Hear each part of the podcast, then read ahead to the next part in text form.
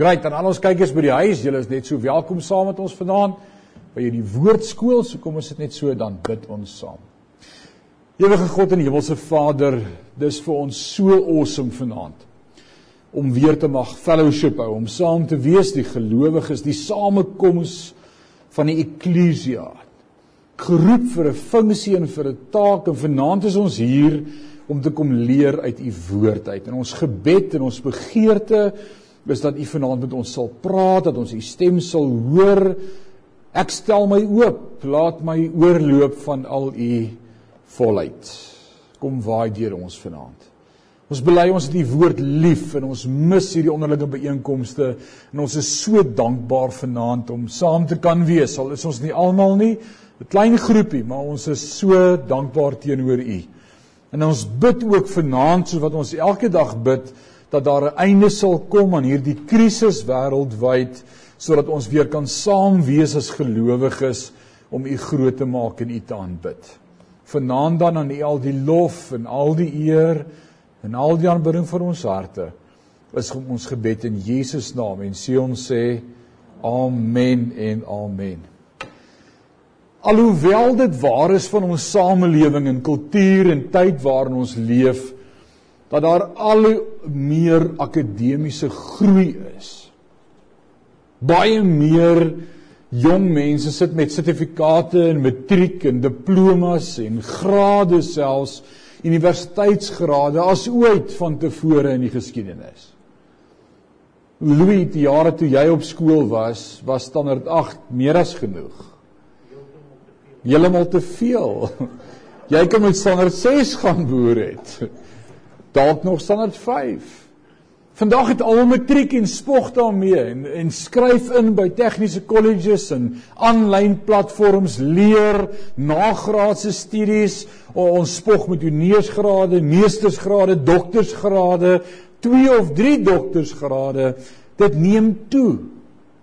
Maar ten spyte van die feit dat kennis in ons dag in ons samelewing toeneem, wil ek sê ons is 'n samelewing wat besig is om intellektueel te krepeer.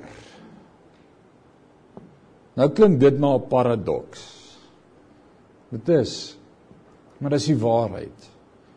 Ons leef in 'n tyd dat ten spyte van soveel kennis is daar 'n armoedigheid intellektueel in individue se lewens. Die meerderheid clueless.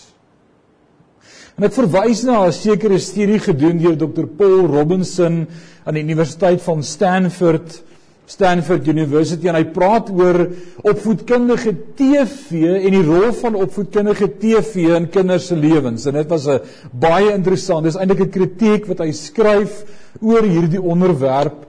En dan sê hy die volgende, hy sê die opvoedkundige TV ruïneer kinders se vermoë om akademies te presteer. En dan dink jy maar hoe's dit moontlik? Dis dan juis om hulle akademies te ontwikkel en te help en te groei.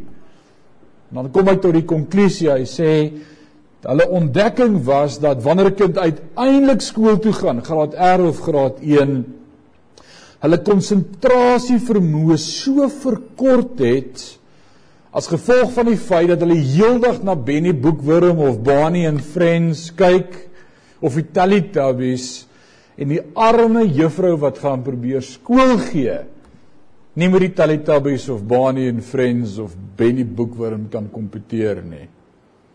En dan skool vervelig. Hulle het nooit die intellektuele vermoë ontwikkel om te fokus nie.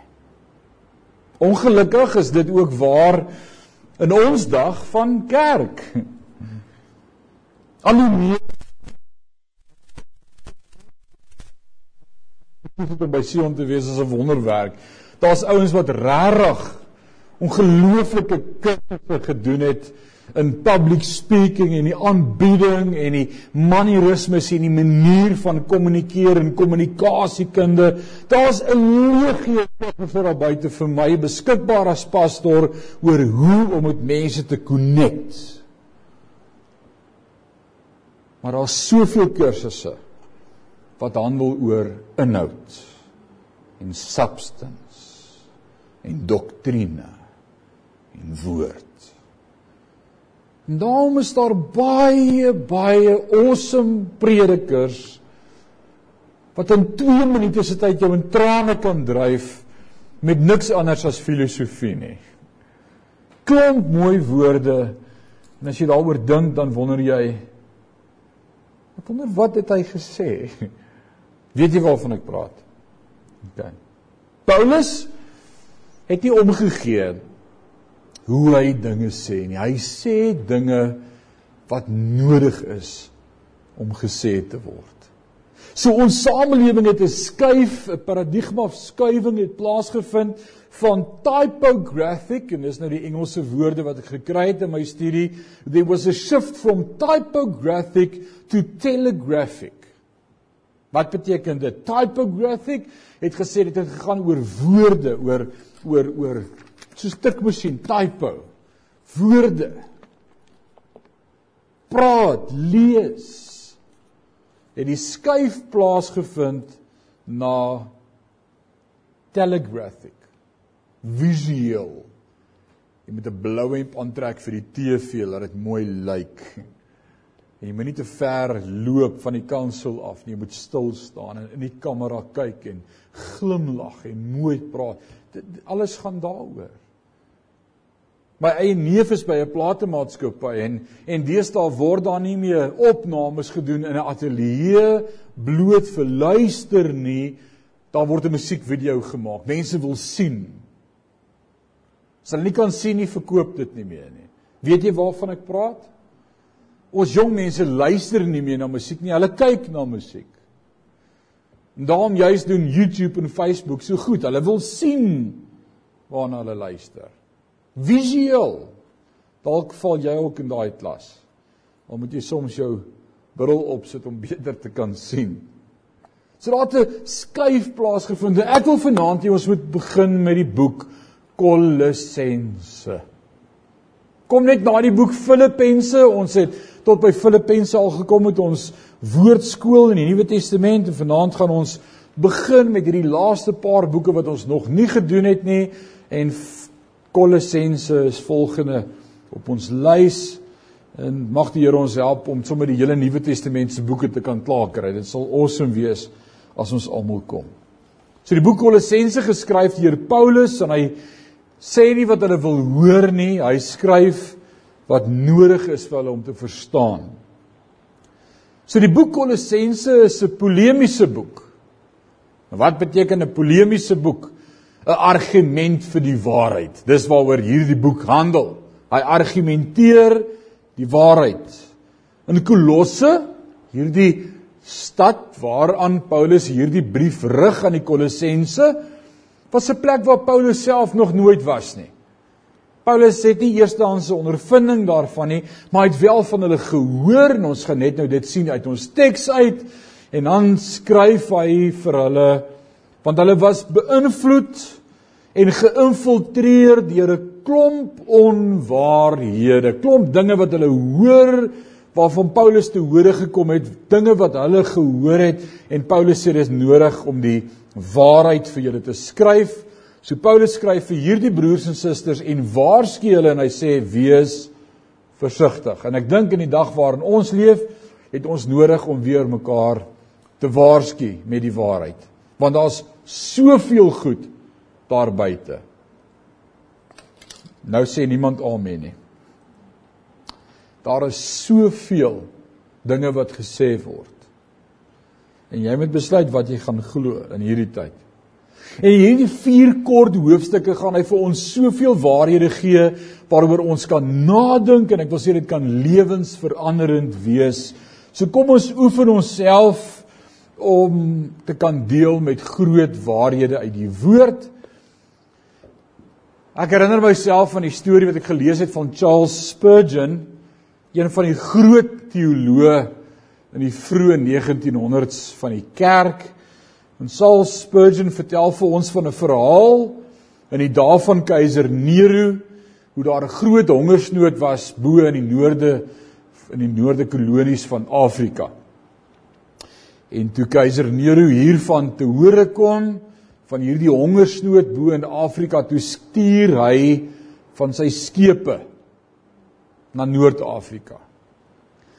In hierdie Afrika het manne het, het het gehoor van hierdie skepe wat op pad is en toe hulle merk dat die skepe so op die horison op pad is na hulle toe was daar 'n groot opgewondenheid en blydskap van keiser Nero het tot hulle redding gekom en skepe gestuur. Hulle was so opgewonde oor die antwoord wat op pad is.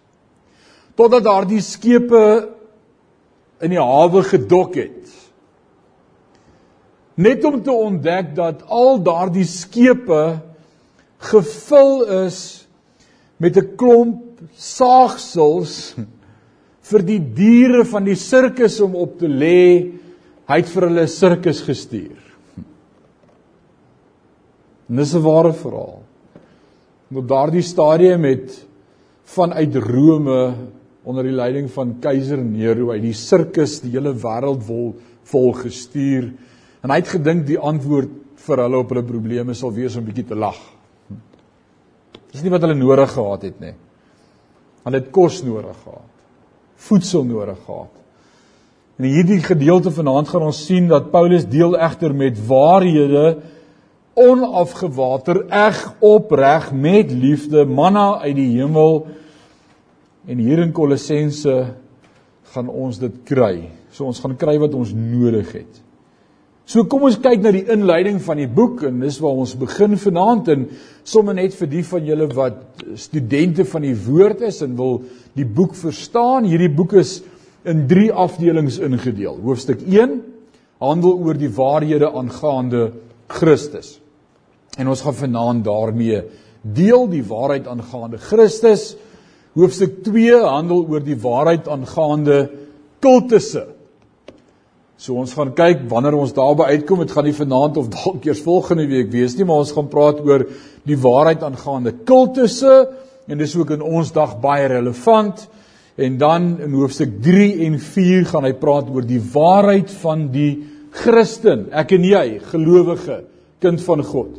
So dis hoe die boek Kolossense vir ons ingedeel is en vanaand trek ons dan weg met Kolossense 1 vers 1. So lees saam met my in jou Bybel. Ek lees in die 3353 vertaling en dit staan soos volg. Paulus apostel van Jesus Christus deur die wil van God en die broeder Timoteus aan die heilige en gelowige broeders in Christus wat in Kolosse is. Genade vir julle en vrede van God ons se Vader en die Here Jesus Christus. Nou kom ons stop net 'n oomblik daar. Dis vir my altyd treffend dat wanneer Paulus homself voorstel, hy altyd staaf wat sy roeping is. En Paulus se roeping was as 'n apostel, 'n kerkplanter, 'n apostel van God. En hy het sy roeping verstaan. Dit is belangrik dat ek en jy ons posisie in Christus verstaan, maar dan groet hy altyd as volg. Hy sê altyd genade vir julle en vrede van ons Vader en die Here Jesus Christus. En ek wil dit weer sê en hy het al in soveel boeke so begin, jy sal nooit God se vrede ervaar totdat jy nie genade verstaan nie. Kan iemand sê amen? Dis eers wanneer jy God se genade verstaan dat jy sy vrede sal beleef. Daarom wanneer iemand met my kom praat in my beradingskantoor met angsaanvalle of panic attacks of of al hierdie tekens van ons tye, siektes van ons dag, dan is die vertrekpunt verstaan jy genade. Want as jy genade verstaan, sal daar vrede in jou lewe wees. Vrede volg genade. En nou kom een van die langste een van die langste sinne in hierdie boek. 1 2 3 4 5 6 verse lank. Akademies, intellektueel, hierdie ou kon skryf. Hoor wat sê Paulus. Hy begin in vers 3 tot aan die einde van vers 8. Ons dank die God en Vader van ons Here Jesus Christus altyd as ons vir julle bid. Omdat ons gehoor het van julle geloof in Christus Jesus en julle liefde tot al die heiliges. Vanweë die hoop wat vir julle weggelê is in die hemele waarvan julle vroeër gehoor het deur die woord van die waarheid van die evangelie wat julle sowel as die hele wêreld bereik het en dit vrug dra net soos onder julle van die dag af dat julle dit gehoor het en die genade van God in waarheid leer ken het soos julle ook geleer het van Epafras ons geliefde medediensneg wat 'n getroue dienaar van Christus vir julle is wat ook julle liefde in die gees aan ons te kenne gegee het. Dis 'n mondvol. Hakowie. Dis 'n mondvol. In ons dag is die ouens gewoond om kort sinnetjies te skryf. Paulus sê hier's 'n klomp waarhede. So hy was nog nooit in Kolosse nie, maar hy het wel gehoor van hulle uh, en dit het sy hart gevul met blydskap dat hy voortdurend 'n blessing oor hulle uitgespreek het as hy bid. Nou ek wil 'n oomblik hier pos vanaand. En ek vra myself die vraag: kan ons dieselfde doen as ons iets mooi hoor van iemand? Ons is geneig om vir iemand te bid wanneer ons iets slegs hoor van hulle. Wanneer ons hoor iemand is siek of in die hospitaal, meeste gebedsversoeke wat ons skryf by Sion, nee ek, joh, 100% van die gebedsversoeke wat ons kry by Sion is krisisse. Bid asseblief vir die, vir my oom, vir my tannie, vir my dogter, vir my bid net. Maar wat doen Paulus? Wat is die voorbeeld van hom en dit wat ek sien vanaand sommer net uit die vertrekpunt uit. Kom ons begin daarmee. Is hy hoor van hulle geloof en hulle hoop en hulle liefde en hy bid vir hulle en hy bless hulle. Hy is so bly oor die goeie goed wat hy hoor van hulle. Ons is geneig om nie te bid vir mense as ons goeie goed van hulle hoor nie. En ek wil vanaand sê die rede hoekom ons vir mense moet bid as hulle iets goeds doen of ons goed van hulle hoor, is juis omdat die duiwel daarop uit is om hierdie mense te laat val. Ons hoor in ons dag van soveel predikers, godsmanne, na wie mense opgekyk het wat geval het. Ek hoor in hierdie week van een van my rolmodelle in my lewe en ek wil eers vanaand sy naam sê nie, dis irrelevant, maar hy's laas jaar oorlede. En hy het net soveel input in my lewe gegee, sy vermoë om om om akademies te kon selfs hy kon vir 3, 4 ure aan 'n debat op sy voete deelneem sonder 'n Bybel of 'n boek of 'n nota voor hom. En hy kon hoofstukke aanhaal van verskillende skrywers en uit die woord uit verse kwoteer en wow, sy sy verstaan van teks het my geruk in my lewe. En in hierdie week sien ek 'n boek van hom en iemand wat ook die boek sien sê, ja, dit is so sad van dit wat alles uitgekom het na sy dood en is soos wat het uitgekom na sy dood. Jy sien dis wat gebeur wanneer jy nie TV kyk nie. Maar wanneer jy jou behaag in die woord van God het, jy weet nie van hierdie goed nie. En dit kom uit van al hierdie buiteegtelike verhoudings waarmee hy besig was in sy lewe. En dis 'n oomblik sad, 'n oomblik wil dit my tussen die oë slaan en dan besef ek. Okay, maar ek het te min vir hom gebid. Ons het net hierdie mooi goed gehoor, maar ek het nie vir hom gebid nie. Hoorie wat ek sê? Paulus het iets daarvan verstaan. Hy hoor van van van die stand en die geloof van hierdie gemeente en hy bid vir hulle. Hy bless hulle. Paulus sê toe ook van julle gehoor het Ons dank God altyd as ons vir julle bid. En dan 'n mooi ding wat ek sien vanaand is dat die kerk in Kolosse word deur drie karaktereienskappe beskryf. En ek wil vanaand sê enige gesonde gemeente moet aan hierdie drie karaktereienskappe gemeet word. En kom ons kyk of Sion daaraan voldoen. So as jy soek na 'n gesonde kerk, hier's hierdie drie goed. Vers 4: Omdat ons gehoor het van julle geloof in Christus Jesus en julle liefde tot al die heiliges vanweë die hoop wat vir julle weggelê is in die hemele. Geloof, hoop, liefde. Hierdie drie goed het konstant vir Paulus uitgestaan. Klink dit vir jou soos 1 Korintiërs 13? Daarom dan hierdie drie goed: geloof, hoop, liefde. En die liefde is die grootste. Die res sal alles verbygaan. Dis die laaste 3 hoofstukke van die boek Hebreërs. Hy handel in 'n hele hoofstuk oor geloof, 'n hele hoofstuk oor liefde en 'n hele hoofstuk oor hoop. Sonder hierdie drie goed kan 'n gemeente nie bestaan nie. Hoe kom 'n gemeente bymekaar sonder geloof? Hoe bid ons tot so tot God sonder geloof? Hoe bid ons fisiek sonder geloof? Die woord sê in Hebreërs 11:1 geloof dan is 'n vaste vertroue op die dinge wat ons hoop, 'n bewys van die dinge wat ons nie sien nie. Vers 6 sê want hy wat tot God gaan moet glo dat hy is en 'n waarmaker van die wat hom soek. Want sonder geloof is dit onmoontlik om God te behaag. Vers 5. Dis onmoontlik.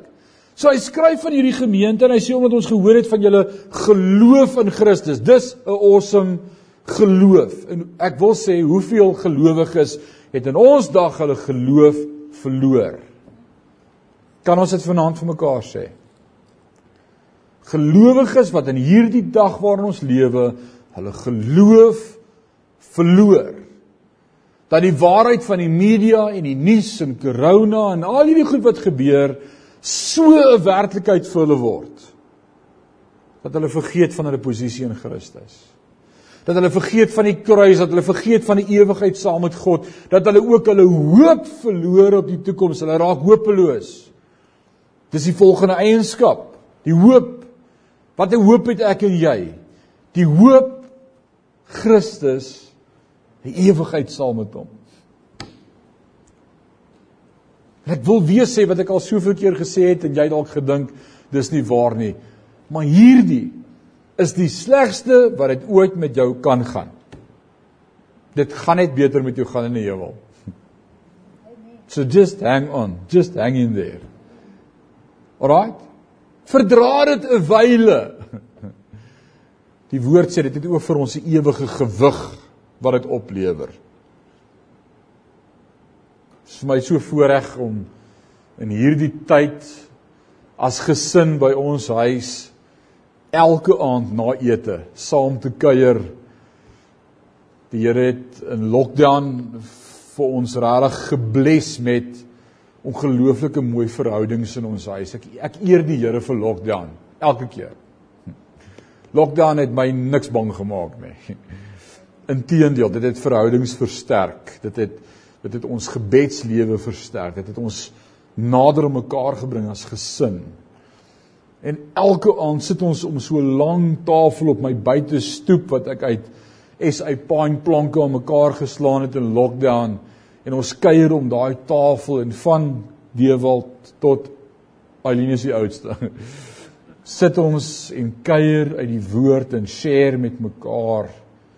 Ons verstaan dat niks ons kan skei van die liefde van Christus nie. En my jongste sê een of ander dag, so 'n week of twee terug, hy verstaan hoekom al hierdie slegte goed met ons gebeur. En ek wil nou graag hoor wat sy verstaan daarvan is. Ek sê wat verstaan jy? Hy sê dit help ons om baie meer met Jesus te praat. En ek kan net sê amen. Inteendeel, hoe rowwer dit daar buite gaan, hoe sterker word my verhouding met Christus. Is dit nie so nie? Kan jy daarvan getuig? Nou, ons as kinders van God moet daarvan getuig. Bring dit aan. Dit moet so wees. Geloof, hoop, liefde. Kom ons lees vers 7. Soos julle ook geleer het van Epafras ons geliefde mededienskneg wat 'n getroue dienaar van Christus vir julle is wat ook julle liefde in die gees aan ons te kenne gegee het. Nou wow, kyk watter mooi ding doen hierdie jong man Epafras. Wat doen Epafras? Epafras deel die mooi en die goeie dinge van hierdie gemeente in Kolosse met Paulus. Nou wil ek vra, is daar 'n volmaakte gemeente? Wie weet? Ek soek daai naam asseblief. Wie kens weet jy van 'n volmaakte gemeente? Iemand het eendag kom bedank by my gemeente lank terug. Ek was nog in Rustenburg en toe sê hy pastoor ek kom bedank. Ek het die volmaakte gemeente gevind. En toe kyk ek kom en voor ek my kon keer toe sê ek vir hom moet asseblief net nie by hulle aansluit nie. You gonna ruin them. Daar's nie 'n ding soos 'n volmaakte gemeente nie. Daar's net nie. Nie Sion nie, geen kerk in Parys nie. Ons sit met mense en ons het almal issues. En as jy hier skuif oor iemand jou kwaad maak, beloof ek jou, hy gaan net 'n ander naam hê by daai kerk, maar hy gaan daar wees. Selfde goed, selfde probleme. Maar kyk wat doen Eufrapis. Hy vertel vir Paulus van die mooi en die groot dinge van hulle geloof en van hulle hoop en van hulle liefde. Hy praat goed van hulle. Hy vertel nie vir Paulus van die slegte vrot appels in die gemeente of die verkeerde dinge wat gebeur in die gemeente nie. Nou ek wil vanaand daaruit die volgende vir jou sê. Mense kom baie by my of WhatsApp my of bel my en sê Rinus, het jy gehoor van die persoon? Het jy gehoor wat hy aangevang het? Het jy gehoor wat hy gedoen het? Het jy gesien wat hy dien nou weer gedoen of gesê? Nou wil ek vanaand die volgende stelling maak: hoe en wat ons praat van mense het 'n direkte impak op hulle. Jy sê vir my wat beteken hoe hoe kan dit wees? Hoe kan wat ek van Dani sê direkte impak op hom hê? Kom ek help jou om dit te verstaan vanaand. Ek is Wie jy sê ek is as ek nie by is nie. Hier's 'n paar wat dit snap. Ek kan net wees wie jy sê ek is as ek nie by is nie. As almal van julle vanaand op pad huis toe met mekaar sou praat en sê arme Rinus met sy blou streepies hem vanaand. Die patetiese ou het so gesukkel met die klank. Dalk moet ons die kerk net eerder toegelos het. Of ek weet nie hoekom was ek daar vanaand. Hy preek so lank in 21. Ek het niks verstaan van vanaand se preek nie. Ou patet.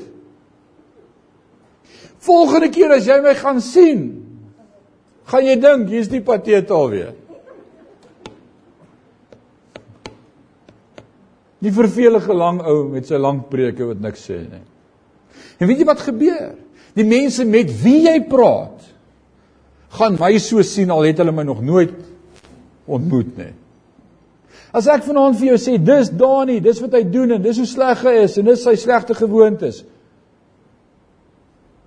Of ek vertel vir my vrou van die Dani wat ek ontmoet het wat so sleg is. En volgende keer as ons by mekaar kom, gaan dit haar opinie van hom wees voordat sy hom nog ontmoet het. En ek moenie hierdie storie vertel nie want ek kry altyd pak daaroor, maar ek doen dit regtig in liefde. Maar my eie persoonlike broer, my enigste broer en ek was almal klein op 'n stadium. En hy was so kannetjie van so 5 jaar oud, voorskool. En ons het in 'n dorp gebly waar my pa die pastoor was en my ma die maastoor. En die dag kom daar 'n sekere tannie by my ma koffie drink. En hulle sit in die sitkamer en sy maak koffie of tee in die Royal Albert stel en hulle sit en kuier en my boetie kom tot by my ma en hy praat so in haar oor en sy sê nee, nee. Sy's nou op daai stadium wat sy wil leer om vrymoedigheid te hê en sy sê nee, praat mooi hard. En hy draai hom en hy loop uit. En na so 'n minuut kom hy weer terug en hy wil weer vir my ma so en sy sê nee, nee, nee, praat mooi hard. En die derde keer toe skraap hy sy moed by mekaar. En hy kom in en my ma sê ja en hy sê is dit die tannie wat so skinder? Ware verhaal. My hand op die Bybel. Alraai. Ons doen dit almal. En my kind, al is hy 5, het 'n opinie wat ek vir hom gevorm het. Hoekom fokus ons nie op die mooi van mense nie? Op dit wat God in hulle lewe besig is om te doen nie. Dit wat Filippense 1 sê as hy sê die werk wat God in ons begin het, sal hy klaarmaak. Ek weet Louis is nog nie volmaak nie, maar hy's op pad. Want God het in hom 'n werk begin. En ek het dit my motto gemaak die laaste ruk as ek oor mense praat en ek moet oor mense praat. Dan praat ek oor dit wat ek beleef wat positief is en mooi is. Wat vir my uitstaan, hulle liefde vir God en en hulle vermoë. Ons is geneig om dit in ons huwelike te doen. As ek in my pel praat en hy sê en hoe gaan dit met jou en jou vrou dan sê ek ag weet jy wat nou ek gee moed op met my vrou. Dan sê hy nee praat jou hart uit man ons kom ons ons vertrou mekaar en dan sê ek nee Jesus hy kan net nie kook nie ek moes ek was blind van liefde voor ons getroud is. Ek weet die deesdae wil sy net niks doen nie en sukkel om te laat smile en sy's grumpy die hele dag en ja nee my vrou op man. Ons moet ons moet bietjie gaan jag en wat doen ek? Ek's besig om my vrou se opinie af te breek. Ek's besig om 'n opinie te vorm met my vriend van wie my vrou is mintam is ek die gelukkigste man met die awesomeste vrou en ek het haar gekies ek het haar gekies is dit nie waar nie En die mooi werk wat God in haar lewe doen en hoe awesome ma sy vir haar kinders is en en hoe dat sy my verdra. Dis 'n wonderwerk en en, en daar's soveel om voor dankbaar te wees. Ek ek ek kon nie uitleer in hierdie week. Ek kon vir die Here sê, "Ekskuus, ek is baie skuldig hieraan dat mense soms eerder fokus op die sleg van ander mense as om oor die goed in ander mense te praat." Kan iemand net sê eina of amen of is so wat jy by die regte plek vandaan. sien Kolossense sê dit soos dit is. Kom ons praat oor die mooi van mense. As dan nie mooi. As jy niks goeds kan sê nie, wat sê die spreekwoord? Bly dan stil. Spreek dan lewe. Dalk sien ek nog nie, maar ek spreek en ek sien in my gees, God gaan met jou 'n ding doen. God gaan 'n werk met jou begin en hy gaan vir jou vat. Ek moenie vir hom sê en hy gaan vir jou skud nie. Moenie besalms bid oor mense nie. Daar's 'n kruis en daar's genade en daar's verlossing en daar's redding. Daar's barmhartigheid en God verander harte. Man. So kom ons ons word dit wat mense van ons praat wanneer ons nie by is nie. Kom ons vra die Here om ons te help. Epafras sê dit verstaan.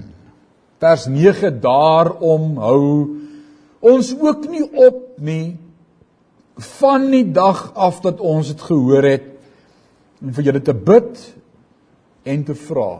Dit dis baie mooi. En hier kom ongelooflike mooi gedeelte eh, die volgende paar verse van die helfte van 9 af tot 14 is 'n gebed. En, en in hierdie tyd ook in Sion en ons dagstukkies en hierdie week wat kom gaan ons met jou praat oor hoe om te bid vir ander, hoe om te bid vir jou kinders en vir jou kleinkinders en vir jou vriende, hoe om woord te bid. So volg dit van môre af. Ek is baie opgewonde daaroor.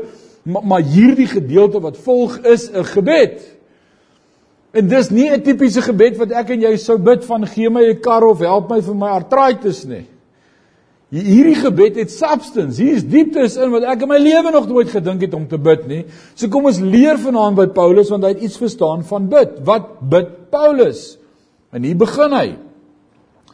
Dat jy vervul mag word met die kennis van sy wil in alle wysheid en geestelike insig just like dit Kom ons pos net sommer net daar. Dis amazing gebed. Het jy dit al ooit vir iemand gebid? Maar nee, dit, dit kan jy begin bid. Ek bid dat hy vervul mag word met die kennis van God se wil in alle wysheid en geestelike insig, sodat jy waardiglik voor die Here mag wandel om hom in alles te behaag en julle in elke goeie werk vrug mag dra en in die kennis van God mag groei en met alle krag bekragtig word volgens die mag van sy heerlikheid tot alle leidsaamheid en lankmoedigheid en met blydskap en die Vader mag dank wat ons bekwam gemaak het om deel te hê aan die erfdeel van die heiliges in die lig. Hy wat ons verlos het uit die mag van die duisternis en oorgebring het in die koninkryk van die seun van sy liefde en wie ons die verlossing het deur sy bloed, naamlik die vergifnis van ons sondes. Dis die amazingste gebed vir mense. Wow. Paulus het iets verstaan van bid. Maar dis een sin, een gebed. En wie van julle wat bidders is en intercessors is, hier's 'n gebed om bietjie te copy and paste. Try praying praying this next time. Put in that person's name there. Personalize it. Dit dis 'n awesome gebed. Hoor net wat bid hy alles vir hulle. En ons is geneig om te bid, Here, ek kort of Here, ek wil hê of Here, ek soek. Paulus sê ek bid dat julle die wil van God sal ken. Sy wil dat dat hulle waardig sal wandel. En dit is die belangrikste ding om te bid, ewigheidswaarde. Ons is so geneig om tydelike temperamentele aardse tydelike goed te bid. Paulus sê dit maak nie saak nie, ons bid ewigheidswaarde. Kennis van God en sy krag en sy waarheid en sy heiligheid en die wil van God. Dis wat belangrik is. So as jy wil weet wat om te bid vir jou kinders of kleinkinders of vriende of ouers vers 9 tot 14. So Nou begin Paulus praat oor een tot wie gebid word en tot wie word gebid? Jesus Christus. Die een wat vers 14 ons verlos het deur sy bloed. Die een wat vers 15 hy is die beeld van die onsigbare God, die eersgeborene van die hele skepping. Nou kom ons pos 'n oomblik hier. Want in hierdie een versie kan daar soveel dispute van uit ontstaan. Vers 15. Die disippels kom by Jesus in Johannes 14 en hulle vra vir Jesus: "Toon ons die Vader dat ons kan glo. Wys ons net 'n foto van die Vader." Net een oomblik, 'n prentjie dat ons hom sal sien, dit wat Moses begeer het op die berg, dit wat in almal se harte nog 'n begeerte was van die begin af. Die disippels ken Jesus, hulle wandel met hom 3 jaar al. Hulle verstaan hom, hulle weet hoe hy dink en optree. En nou sê hulle, "Wys ons net die Vader dat ons kan glo." En wat antwoord Jesus hulle?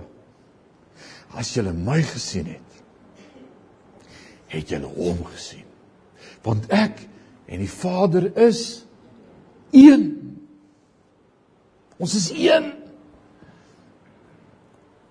Paulus sê Jesus is die beeld van die onsigbare Vader. Dis wat hy hier skryf vir ons.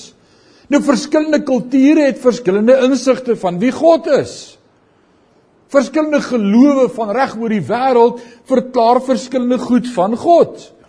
Vir die Hindoe Hy sê God is liefdevol, God is welwillend, God is vriendelik, God is 'n voorsiener, God is saggeaard. Dis moet God 'n koei wees. 'n Heilige koei. En in Indië raak jy nie aan 'n koei nie. Inteendeel tot in die verkeer het die koeie voorkeur. God is liefdevol en welwillend en vriendelik en 'n voorsiener en saggeaard. Maar hy is nie 'n koei nie. Vir die Amerikaanse Indiaan wat op die koppie sit en afkyk oor die kloof en sien hoe die arend die wind vat en opvaar en sweef in die hoogtes en die grootheid daarvan beleef want Paulus skryf ons iets in Romeine 1 2 en 3 en dan sê hy die hele skepping almal weet in hulle harte dat God God is. Niemand weet nie dat God God is nie. Jy weet in jou binneste, elke mens. En vir die Amerikaanse Indiaan sê hy God moet dan 'n arend wees. Nee. Die Egiptenaar wat in die woestyn trek is verwonderd oor die krag en die grootheid van die son. Ra. En hy sê God is die son. God is ook die son van geregtigheid. Maar die son is nie God nie. Nee.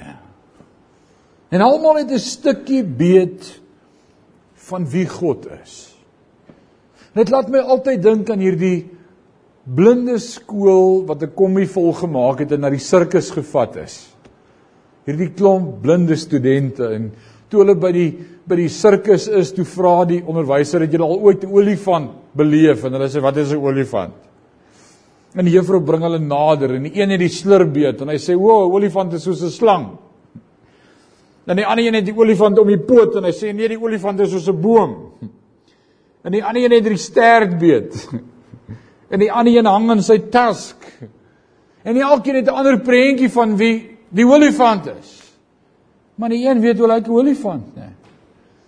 Want soms beleef ons dit in ons samelewing, veral in ander godsdienste, elkeen het 'n opinie van wie hulle dink God is, maar dit nie 'n klou nie. Ek wil vir jou sê, Jesus sê, ek is die weg en die waarheid en die lewe na die Vader kan jy nooit kom behalwe deur Jesus Christus nie.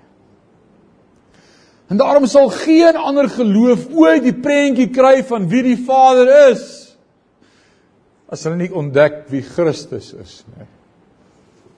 Christus en die kruis en verlossing en genade en sy barmhartigheid. Hy's 'n redder. En as ek Christus ontdek en ek kyk na die Vader, dan verstaan ek die prentjie van 'n liefdevolle Vader. Paulus sê dit hier. Hy sê Jesus is die beeld van die onsigbare Vader. Hy's die prentjie. Jesus is die beeld van God.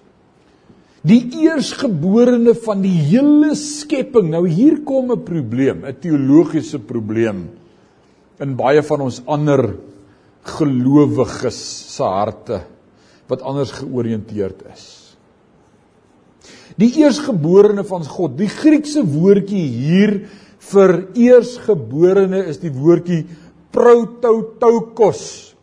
Daai woordjie prototokos beteken nie kronologies te nie maar in prioriteit eerste. Kom ek verduidelik dit. So hoekom sê ek dit vanaand vir jou? Onder die Jehovah se getuies sê sien Jesus is gebore God het hom gemaak en dit beteken dat Jesus nie God kan wees nie, maar hy's geskep deur God. Hulle gebruik intedeel hierdie vers in Kolossense om hierdie punt juis te maak. So volgende keer as iemand vir jou sê Jesus was nie van die begin af nie want God het hom gemaak, hy is dan gebore, kan jy sê nee nee nee, die woordjie daar is die woordjie prototokos wat beteken in prioriteit. So kom ek verduidelik dit vir jou. Prototokos beteken hier Jesus is die prioriteit, die hoër status, hy het supreme status of die hoogste status In die Bybel word daar van Jakob gepraat as die eersgeborene. Was Jakob die eersgeborene? Nee, hy het 'n broer gehad met die naam van Esau wat die eersgeborene was. Maar God se seun wat Isak afgebid het op Jakob, het hom hoër prioriteit gegee, aansien gegee, status gegee en in God se oë was Jakob die een wat prioriteit gehad het, die supreme. Hy hy was eerste. En net so met Manasse, net so kan ons 'n klomp voorbeelde uit die Ou Testament leer van mense wat nie eerste gebore was kronologies nie, maar wat van wie gepraat word as die eersgebore die een wat gesag het. So dis wat hierdie teks vir ons beteken met hierdie Griekse woordjie prototoukos wat beteken Jesus was van die begin af God se eerste gesag. Nou lees vers 16 saam met my want in hom. Sê dit saam met my. Want in hom. Hier kom nou 'n mond vol goed. Is alle dinge geskape wat in die hemel en op die aarde is, wat ons sienlik, wat sienlik en onsienlik is, trone sowel as heerskappye en owerhede en magte, alle dinge is deur hom en tot hom geskape.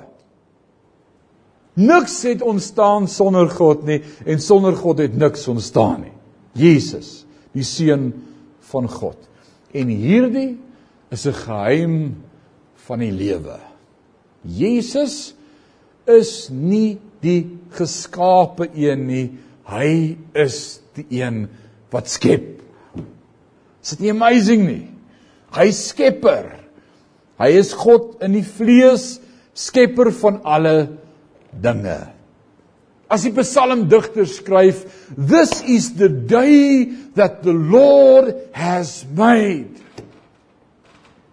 Wie het vandag gemaak? Jesus het vandag geskep. Die woord sê alle dinge is deur hom en tot hom. So Jesus het hierdie dag geskep. Hy het hierdie dag vir hom geskep. So vir my om betekenis te gee aan hierdie dag wy ek my lewe aan hom want dis wat ek moet doen en ek verheerlik hom en ek gee waarde aan hierdie dag wat vir hom geskep is want dis hoekom ek geskep is. Is dit nie waar nie? Ek verstaan my skepingsdoel want alle dinge is geskep deur hom tot hom. So die rede vir vandag Die rede vir jou probleme en moeilikheid waardeur jy gaan, die rede hoekom jy lewe en in hierdie omstandighede is, is sodat jy lof en eer aan God kan bring.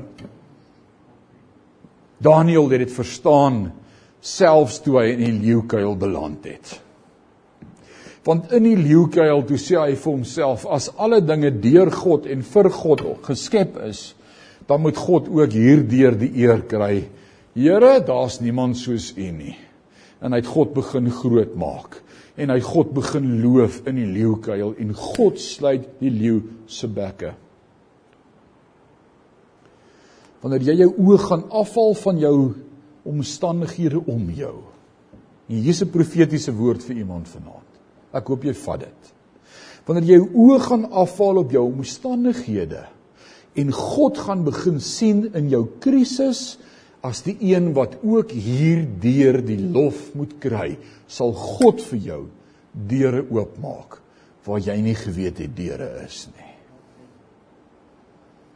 O oh man, hierdie boek praat met my van die eerste vers af. Fokus op God. Alle dinge is deur hom en tot hom geskape. Daarom sal ek vir hom lewe sodat ek kan vervul wat God se plan was met hierdie dag om die eer te kry. Dis waaroor vandag gegaan het. Maar as ek sê en dis die volkslied wat eendag in die hel gesing gaan word, glo ek ongelukkig geskryf deur die bekende Frank Sinatra, I'll do it my way. En jy besluit om jou ding te doen op jou manier dan is God nie eerste in jou lewe nie en kry hy nie die eer nie en gaan dit nie oor hom en tot hom en vir hom nie. En as jy besig om jou lewe weg te gooi. As jy sê ek sal dit op my manier doen. Ek sal na God kom wanneer ek voel ek is reg. Ek gaan eers my lewe geniet. Kry God nie die eer nie dit is so hartseer dat so baie mense leef met hulle eie stel reëls. God moet eerste wees in jou lewe. Vers 17 en hy is voor alle dinge en in hom hou alle dinge stand. Ah, oh, hier's 'n mooi waarheid. Hier's iets moois wat Paulus deel met hierdie gemeente. Hy sê niks kan sonder God bestaan nie. God hou alles bymekaar. Is dit nie amazing nie? God hou alles bymekaar. In hom hou alle dinge staan. Die Engels sê so mooi and in him all things hold together. Daai woordjie is die woordjie syne stou. Daai woordjie syne stou beteken God hou alles vas. Dit ons klein was in die sonnaskool het ons gesing He's got the whole world in his hands. He's got the whole world in his hands. En dan kyk ons na die pandemie en ons kyk na die wêreldekonomie en ons kyk na die politiek en veral in Amerika. En ons kyk na alles wat gebeur en ons wonder wat gaan aan. Ek wil vir jou sê wat aangaan is dit dat mense dink hulle is in beheer van alles. If you don't acknowledge God as God, then don't be surprised if things happen the way they do. In my lewe verklaar ek God is alles en sonder hom is ek niks. Hy hou my vas in die holte van sy hand. Op skool het ons geleer van positiewe en negatiewe kragte. Kan jy dit onthou? Positiewe en negatiewe ladings, magnete. En dan 'n magneet het 'n positiewe kant en 'n negatiewe kant. En dan vat jy twee magnete en dan probeer jy hulle teen mekaar druk, positief teen positief en amper is dit onmoontlik. Ek onthou daai groot magnete, jy haal dit uit 'n speaker uit. Hm. Toe vind my pa uit sy een speaker werk nie meer nie. Maar daai daai groot magneet. En dan probeer jy so teen mekaar druk. Dis soos gym. Jy kry hulle nie teen mekaar nie. Maar as jy daai een magneet omdraai, Eh, ek het dit eendag met my broer gedoen. Toe sê ek, kyk, ah, ek kry dit nie reg nie. Probeer jy, jy draak jy om in sy hand om doen. Toe sy vingers tussenin. Van positiwiteit en negativiteit trek aan. Ek weet jy het dit nooit gedoen nie. Dis net ek wat so terrible was. 'n Positiewe en negatiewe lading trek aan. Daar's 'n aantrekking. Kyk nou net jy en jou vrou, né? Maar kyk, bepaal jou by die teks. Kom ons gaan. Nou hier's die groot wonder. In die kern van 'n atoom. Nou, nou wie wie van julle het al 'n atoom gesien? 'n Atom. Dis so jy kan dit nie sien nie. Jy moet met met 'n groot vergroot glas 'n miljoen keer opblaas om 'n atoom te sien. In in 'n atoom het jy protone en jy het positiewe gelaaide deeltjies en daar's neutrone en protone en elektriese elektrone en en en al hierdie goed bly by mekaar en dan's daai deeltjies positief gelaai. Klomp positiewe deeltjies wat by mekaar gelaai is. Kan jy onthou hoe graad standaard 11 natuurenskykunde? Wie het dit opgelet in die klas? Annelien was jy daar? Kan jy dit onthou? Nou is die groot wetenskaplike vraag wat nog deur al die tyd gevra word, wat maak dat daardie klomp positiewe gelaaide partikels by mekaar bly en nie uitmekaar spat nie? Wat hou hulle by mekaar vas? En die wetenskap kon dit nog nooit verduidelik nie. Totdat jy God se woord begin lees en sien, God hou dinge by mekaar, want dis wie God is. God hou goed vas in sy hand. En Petrus skryf dit so mooi vir ons as hy dit vir ons verduidelik en ek dink is in 1 Petrus 5 as hy sê tot daardie dag wat die hele skepping tot nul sal gaan en verby sal gaan met 'n gedruis. Wat gaan gebeur? God gaan net onttrek en sê ek is nou klaar. My kinders is by my. Die aarde het sy leeftyd uitgedien, alles het gebeur wat moes gebeur het en dan sal die aarde verbygaan net uitmekaar spat. Ek wil vir julle sê God hou my vas in die holte van sy hand. En dit bid ek elke dag vir my en vir my gesin en vir ons gemeente en vir elke geliefde van die Here dat God ons net sal vashou. Dat ons net sal vashou dat ons net sal vashou. Dis dis al hy hou ons by mekaar. In hom hou alle dinge stand. Vers 18 sê en hy is die hoof van die liggaam, naamlik die gemeente. Hy wat die begin is, die eersgeborene uit die dode ook, sodat hy in alles eerste kan wees.